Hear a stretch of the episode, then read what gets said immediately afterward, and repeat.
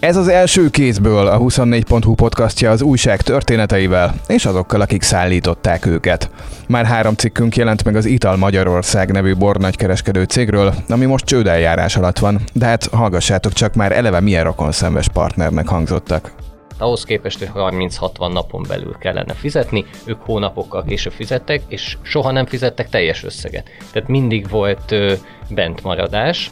Megszokták ezt a borászok, viszont ugye egy idő után már nem kaptak semmi pénzt, egyszer kaptak egy, egy levelet az Ital Magyarország Kft-től, és ebben tudatták velük a csődeljárás kezdetét. Két ok is van, ami akár arra is engedhet titeket következtetni, hogy a történetben nem kizárólag áldozatok vannak, és ez nem feltétlenül egy végletekig jó hiszemű csődeljárás. Az egyik, hogy ez nem az első ilyen, a másik, hogy a becsődölést családi cégek osztódása előzte meg. Hogyha ő neki követelése van, tehát még olyan pénze az Itali Magyarországnak, ami más cégekkel szemben áll fönn.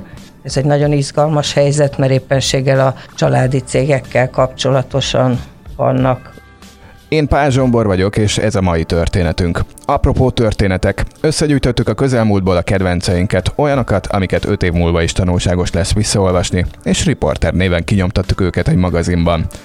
Tegyetek el belőle magatoknak, újszülötteknek vagy bárkinek, aki kíváncsi lehet, milyen is mostanság Magyarország. Filmrendező interjúktól a Velencei tóért folytatott küzdelemig. A riportert megtaláljátok a legtöbb Relay és Immédió újságosnál, de egyes áruházakban és benzinkutakon is, vagy külön költség nélkül kivisszük, ha megrendelitek az mc.hu-n.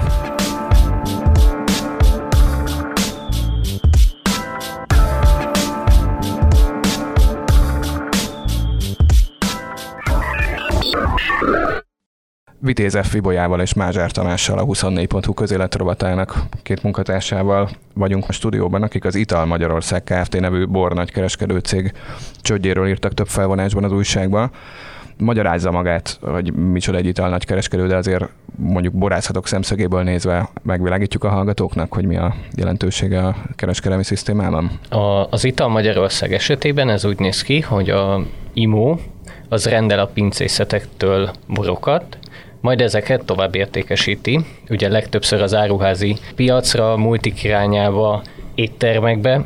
Ugye az Ital Magyarország az tipikusan az volt, amelyik áruházakba értékesített tovább, de ez úgy néz ki, hogy a nagykereskedések azért összegyűjtik a gyártóktól a borokat, és ezeket egybe viszik be a hipermarketekbe. Nem úgy néz ki, hogy akkor a borász gondol egyet, és elviszi a tudom, Tesco-ba a 20 üveg borát, hanem pontosan gyűjtőfuvarokat csinálnak. Ezek a nagykereskedők, és akkor a hipermarketekben vannak ilyen időkapuk, és így tudnak bekerülni ezek a borok a hipermarketekbe. Az egyik dolog még az, hogy eléggé bonyolult az adminisztrációja, tehát ez is oka annak, hogy nem a borászok csinálták ezt önmaguknak, hanem megkerestek egy ilyen nagykereskedőt, hogy ők csinálják ezt, és ilyenkor ugye a nagykereskedőnek 30-60 napja lenne arra, hogy kifizesse a borászokat. És az Ital Magyarország esetében ugye ez nem történt meg. És akkor most már megyünk is bele a csődbe, még azt a harmadik szempontot hadd világítsam hozzá, hogy még az is van, hogy ebben a konkrét történetben mondjuk Takler meg Bok szintű ismert borászati nevekről van szó, és hogy ők se fognak Tesco meg Spár beszerzőkkel olyan helyzetből tudni tárgyalni, hogy az a Taklernek vagy a Boknak legyen jó. Tehát a logisztika meg az adminisztráció mellé az is bejön, hogy bármekkora méretű borászatról gondolunk, ami kisebb, a, nem tudom, a Vargánál az, az nem nagyon ruglakdába egyedül. És Egy... azt talán még el lehet mondani, a legnagyobb tartozás a Takler felé van az Ital Magyarország Kft-nek. Hogyan néz ki ez a piac? Mekkora játékos volt rajta az Ital Magyarország, hogyha most akkor szegény takleréket fogjuk végig nevesíteni, de ekkora pincészetek voltak valamilyen mértékben? Én úgy tudom, hogy itt három nagyobb szereplő volt, a Bortársaság, a Rajker és a Veritas, és ugye még az Ital Magyarország Kft. Itt azért van olyan, amelyik önmaga is értékesíti a borokat, tehát nem csak az csinálja, hogy, hogy továbbadja a, a hipermarketeknek. És még a harmadik dolog, amit csinálnak szintén ezek az emlegetett szereplők eltérő amplitúdóval, hogy a jellemzően az éttermekben, meg kávéházakban se a borászat maga viszi be a borát, meg a hotelekben, hanem ez a gasztrónak mondott irányba is ők az átjátszó szereplők. Azért ez az Ital Magyarország önmagában egy 7 milliárdos éves forgalmú cég, és csak a borászoknak, ezeknek jó nevű borászoknak, ismertebb borászoknak több mint 30 pincészetnek tartozik 360 millió forinttal tehát mindenképpen egy ágazatba meghatározó szereplő.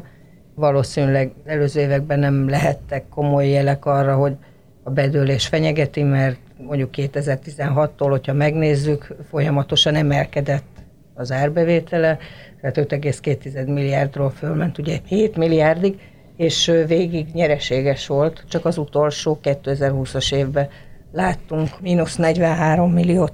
Tehát akkor a veszteség megindult, és hát azóta most már látjuk azt is, hogy a 2021-es évben pedig valami rettenetes cunami történhetett, mert több mint 400 millió, ezt még nem írtuk meg, de több mint 400 millió forintos vesztesége lett, tehát valami ott történt a 2021-es évben.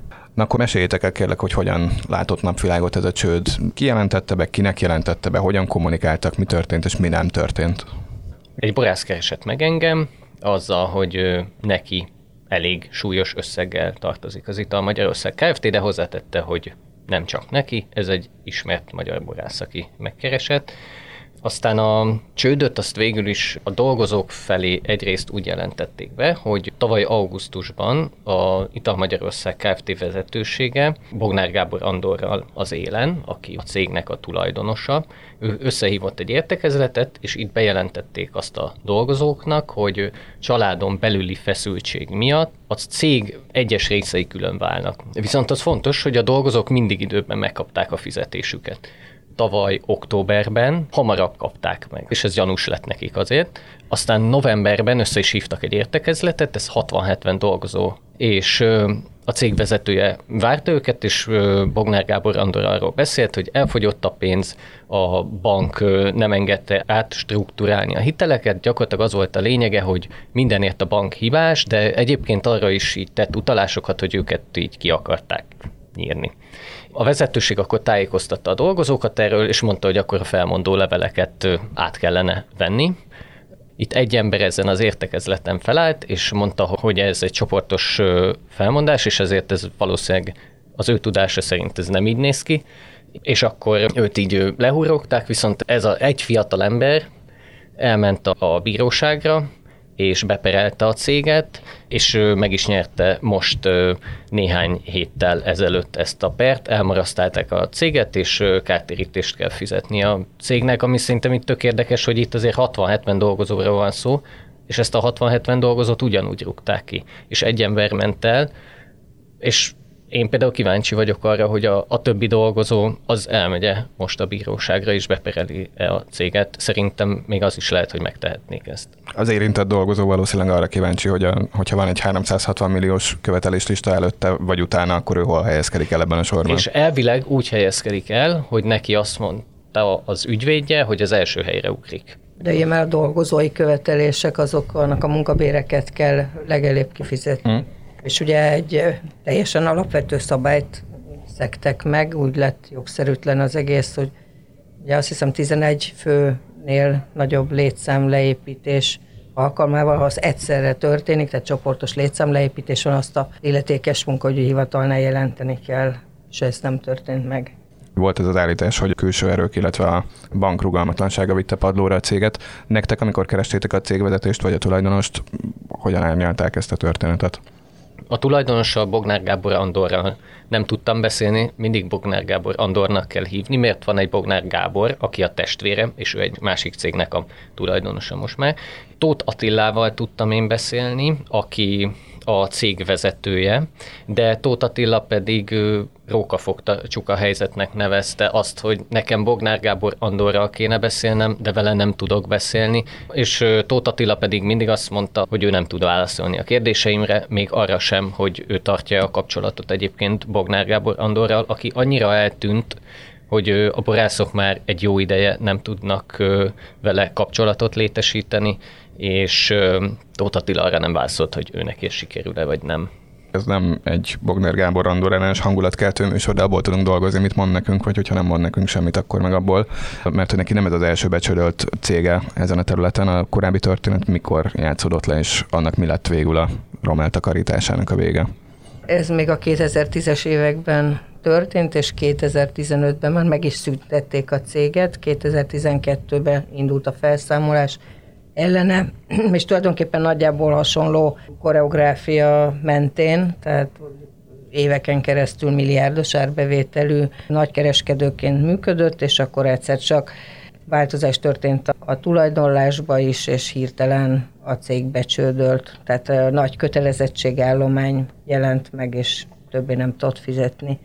De ott sikerült elrendezni a kintlevőségeket, hogy utána Bok meg Takler méretű szereplők azt mondják, hogy nagyszerű ötlet lesz újra megpróbálni rajtuk keresztül menni a spárba?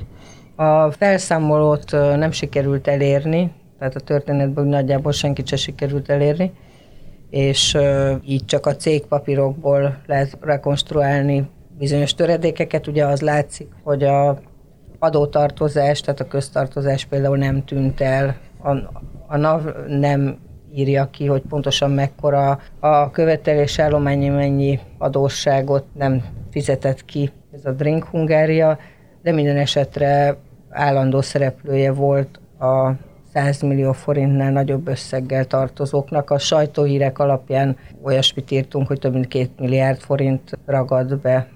Az is egy, egyébként érdekes szerintem, hogy a borászok hogy tudták meg ezt az egész történetet, mert ugye azt már elmondtam, hogy a dolgozók mm. hogy tudták meg, viszont a borászoknál ők azt mondják, hogy uh, itt az egyik úgy fogalmazott, hogy mindig is rossz volt a fizetési fegyelem, de mindig volt fizetési hajlandóság, tehát megszokták azt, hogy a Ital Magyarország Kft. hónapos csúszásban van a kifizetésekkel. Tehát ahhoz képest, hogy 30-60 napon belül kellene fizetni, ők hónapokkal később fizettek, és soha nem fizettek teljes összeget. Tehát mindig volt ö, bentmaradás. Megszokták ezt a borászok, viszont ugye egy idő után már nem kaptak semmi pénzt, és akkor ezek után a borászok felszólító leveleket küldtek a cégnek, és egy ideig még tudták tartani a cégvezetéssel a kapcsolatot, de utána már nem tudták, és e, akkor egyszer kaptak egy, egy levelet az Ital Magyarország Kft-től, és ebben tudatták velük a csődeljárás kezdetét. Bognár Gábor Andor nem teljesen tűnt el, legalábbis januárban felbukkant, a más nem a cégpapírokban, aláírta a 2021-es mérlegét egy másik családi cégnek, ez a Parador Sörmester, a Parador Sörmester nevezető. Ő ugye úgy jött a képbe, hogy miközben tántorgott a csőd felé az Ital Magyarország, ő is ajánkozott, hogy átveszi a borok forgalmazását. Ez egy 2015-ben alapított társaság, az Ital Magyarország volt a tulajdonosa, egészen a múlt év végéig a Bognár Win nevű cég is ezen a ponton jön a képbe, az kié? Ugye egy fontos szerepe van ennek a Bognár Winnek ebben, mert a borászoktól úgy tudjuk, hogy miközben ugye az Ital Magyarország akadozott a fizetéssel, a család másik cége, tehát a Bognár Win Kft. megkeresett több borászatot, hogy ők szívesen átvennék az Ital Magyarország szerepét. Itt már szerződéstervezeteket is küldtek a borászoknak, de én úgy tudom, hogy, hogy azért senki nem írta ezeket alá. Mi szerettük is volna megkérdezni Bognár Gábort és Bognár Csabát, tehát a többi Bognár testvért, és végül Bognár Attillát, a negyedik testvért sikerült utolérnünk. Ő végül nem válaszolt a kérdéseinkre, de a jogi képviselője a végén visszahívott, és ő elmondta, gyakorlatilag az volt az egésznek a lényege, hogy ők is károsultak ebben az ügyben, a család másik felének is tartozik Bognár Gábor Andor, tehát az Ital Magyarország Kft. A családi vonatkozása kapcsolatban pedig úgy nyilatkozott, hogy a felek között a viszony már régóta megromlott, és már nem dolgoznak együtt, és félnek amiatt, hogy megpróbálják összekeverni a két céget. Itt annyi, hogy azért több borásszal is beszéltünk, és nekik vannak fenntartásaik azzal kapcsolatban, hogy ez a viszony valóban megromlott, vagy sem. Amit a virágnyelvet kerülve úgy lehetne lefordítani, hogy a borászok szerint színjáték zajlik, és egy a család másik ágára írt céggel próbálják átmenteni, amit ebből viszonyrendszerileg át lehet menteni, csak közben kinulláztak egy 400 milliós mínuszt a másik cégből. Így van, és nem csak a borászok szerint, hanem néhány itt a Magyarország Kft. és korábbi dolgozó szerint is ez a helyzet. Általában Magyarországon a második Covid évben, 2021-ben nyáron erőre kapó turizmus mellett van ágazati szintű borászati szívás, ami indokolhatja, hogy ennyire befordult a cég, vagy alapvetően tök jól duruzsol minden, és pont ezért is lehetett arculcsapás a borászoknak, hogy bedől egy lánc a dominóval. Hát nekem arról számoltak be borászok és kereskedők, hogy Az igaz, hogy bizonyos szegmensekben nőtt a kereslet, lehet, hogy összességében a fogyasztás is, mondjuk a borfogyasztás, de mivel a vendéglátó szektor kiesett, ahol jól lehetett értékesíteni akár a prémium termékeket jó áron, akár a tömegtermékeket mondjuk a kocsmába, ugye minden borász úgy épül föl, hogy van csúcs terméke és van tömegterméke, tehát annak mind piacot kell találni, de főleg a, a, a prémium termékekkel jártak úgy, hogy kénytelenek voltak átcsatornázni a kereskedelembe, ugye a áruházláncokhoz, és ott pedig ahogy magunk is tapasztaltuk mondjuk a Covid évében, nagyon jelentős árengedménnyel lehetett csak értékesíteni. Úgyhogy igazából a nagykereskedők egy része is befürdött miatt, és hát ez tovább gyűrűzött a borászokhoz, a termelőkhöz, mert hát nem jutottak hozzá a pénzükhöz. Én akikkel beszéltem, ők azt mondták, hogy azért nagyban függ attól, hogy egy cég milyen állapotban van, vagy egy ilyen nagy kereskedés, hogy hova szállítottak. Tehát aki mondjuk kizárólag csak vendéglátásba szállított, az borzalmasan rosszul járt, az teljesen megrecsent, viszont aki nem, azért nekik volt komoly bevételük, abból, hogy hipermárketek azért eladtak borokat, viszont az most volt egy cikk, és ott a Szent Andrea szőlőbirtoknak a borigazgatója azt mondta, hogy mondhatnám szebben is, de az az igazság, hogy a borágazat az életért küzd, és ő több okot is megjelölt, de, de szerintem amit tök érdekes, az, az, az egyik az, hogy akkora verseny van most az italpiacon, például ezek az ízesített sörök, és egyébként is baromi sokféle ilyen szeszes ital van már, koktélok és egyebek, hogy nem nagyon találják a teret ezek a prémium borok ezen a piacon, és egyébként azt is mondták, hogy az a korosztály, amelyik nagy borfogyasztó volt, az már vagy nem él, vagy pedig már nem akkora borfogyasztó, mint volt korábban, tehát hogy lehet, hogy a borászoknak is valamilyen szinten újra kell gondolniuk a nem tudom, stratégiájukat. Ezen a ponton elmondjuk, hogy a, régen az volt a régen, tehát 5 éve a meglóduló infláció előtt az átlagbornak belőtt például, hogy ami mondjuk a spárban 1500-ba kerül bor, abból mennyit látott a borászat?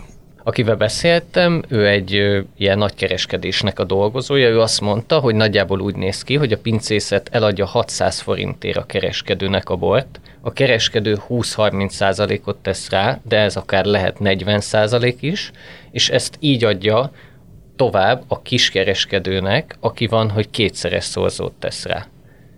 Tehát a végén azt mondta, hogy van olyan, hogy egy 1400 forintos bornál mondjuk ilyen pár száz forint marad a pincészetnek, és mindezt úgy, hogy 100 forint most már egy palack, egy normálisabb cinka, ami úgy jól is néz ki, az olyan 30 forint, egy csavaros zár az 60-tól 100 forintig terjed az ára, tehát sok esetben tényleg az van, hogy a végén minimális összeg marad, nyilván nem egy palackot visznek be az áruházba, hanem sokat, de azért kevés marad egy boron most már.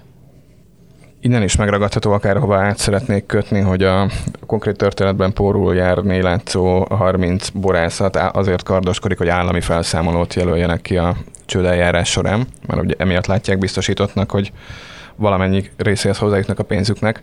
És induljunk onnan, hogy egy nagy kereskedőnek épületeken és talán flottán kívül milyen olyan tárgyi vagyona van, ami egyáltalán értelmezhető közelségbe jön ahhoz, hogy több százmilliós követelések teljesíthetők legyenek.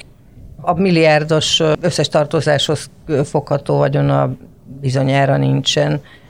Tehát ők azért foglalkoznak valamelyest valószínűleg palackozással, és bizonyos gépeik is vannak ez majd kiderül akkor, amikor a csődesség egyeségi tárgyaláshoz a dokumentumokat benyújtják a hitelezőknek, és akkor mindenki látni fogja, hogy mennyi az a vagyon, amit fel tud mutatni a cég, de így az előzetes információk alapján ezt tényleg így legfeljebb a harmada lehet. Most akkor még hozzátartozik az is, nem csak a tárgyi vagyonról kell szót ejteni, hanem hogyha ő neki követelése van, tehát még olyan pénze az itali Magyarországnak, ami más cégekkel szemben áll fönn. Ez egy nagyon izgalmas helyzet, mert éppenséggel a családi cégekkel kapcsolatosan vannak követelései, tehát ezek a cégek egymással keresztbe kasba tartoznak és követelnek, úgyhogy ez egy érdekes játszma lesz még, akkor elválik, hogy baráti vagy ellenséges viszonyban vannak. A tárgyi vagyonra visszatérve csak egy mondat, hogy azt láttam, hogy egy 25 milliós, azt hiszem Audi is van a birtokukban, úgyhogy az végül is valamennyit azt hiszem, hogy akár még fedezhetne is. Remélem most sóhajtottak egyet szexerdön és villányban. És miért korrektebb egy állami felszámoló kijelölése, mint hogyha sorsolással kijelölnének egy halandó felszámolót? Normál ügymenetben sorsolással jelöl ki a felszámolt épp azért, hogy ne legyen semmiféle összefonódás, ugye, tehát véletlenszerűen sorsolja a bíróság, ezzel nem lenne semmi gond, és végül is, hogyha minden a jogszabályok szerint történik, akkor egy felszámolónak a hitelezők érdekeit kell nézni, ugye nem, tehát átveszi az egész cég felett mondjuk azt, hogy a rendelkezés, tehát a tulajdonos meg a az ügyvezetés nem tehet olyan lépéseket, ami a vagyont veszélyeztetné, tehát mit tudom én, nem köthet szerződéseket, nem teheti meg azt, hogy a készleteket odaadja az egyik vagy a másik jelentkezőnek.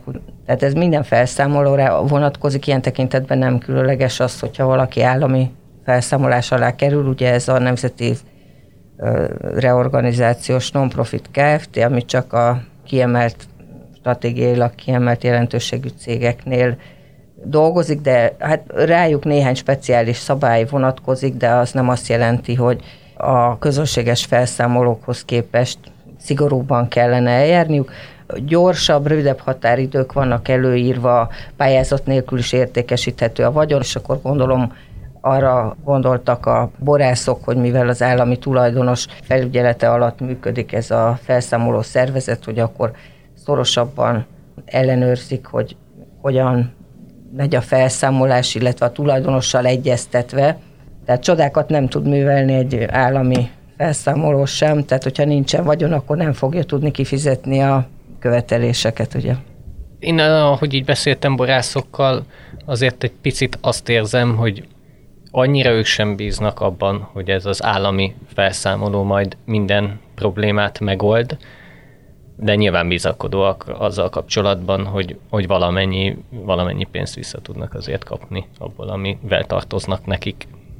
De hát nagyon előre szaladtunk, és a borászok is előre szaladtak, mert ugye még most ott tartunk, hogy csődeljárás indult a Ital Magyarország ellen, amikor éppenséggel fizetési moratórium van, tehát hogy a hitelezőknek egyelőre türelmeseknek kell lenni, és ugye a cég, hogyha előáll egy olyan reorganizációs tervvel, hogy hogyan tudja tovább működtetni a céget, milyen ütemezéssel és milyen mértékig tudja kifizetni a borászait és a bankot és az összes hitelezőt, akkor meg tudnak egyezni, hát ilyenkor ugye diszkontáron, tehát kevesebbet, a követelések egy részét fizetik csak ki, de hogyha elég vonzó ötlettel áll elő, tervel, üzleti tervel, hogy hogyan működhetne ez mégis tovább, akkor elméletileg akár működhet is még, és akkor nincsen felszámolás. A borászok nem így látják a helyzetet, én most csak a, az eljárás menetet általában mondom, hogy lehet ebből még akár folytatás is. És egyébként annyi folytatás lesz is, hogy május elején lesz egy egyességi tárgyalás a borászok és a Ital Magyarország Kft. között, amin a borászok is részt fognak venni. És már kaptak is a borászok egyébként egy ajánlatot a Ital Magyarország Kft-től, de azt most nem mondjuk el, hogy mennyit, mert majd megírjuk.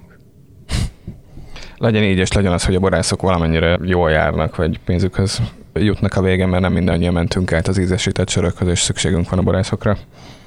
Ibolyát Tomi, köszönöm szépen, hogy jöttetek. És köszönöm nektek is, kedves hallgatók, első kézből legközelebb jövő héten. A háromharmad pedig, ha nem láttátok volna, már múlt pénteken átköltözött a csodaszép új stúdiónkba, úgyhogy aki nem csak hallgatja, de nézi is, holnap is szebb kiadásban láthatja, mint valaha. Itt az első kézbőlben Vitéze Fibolya és Mázsár Tamás mellett ezúttal is Pázsombort hallottátok.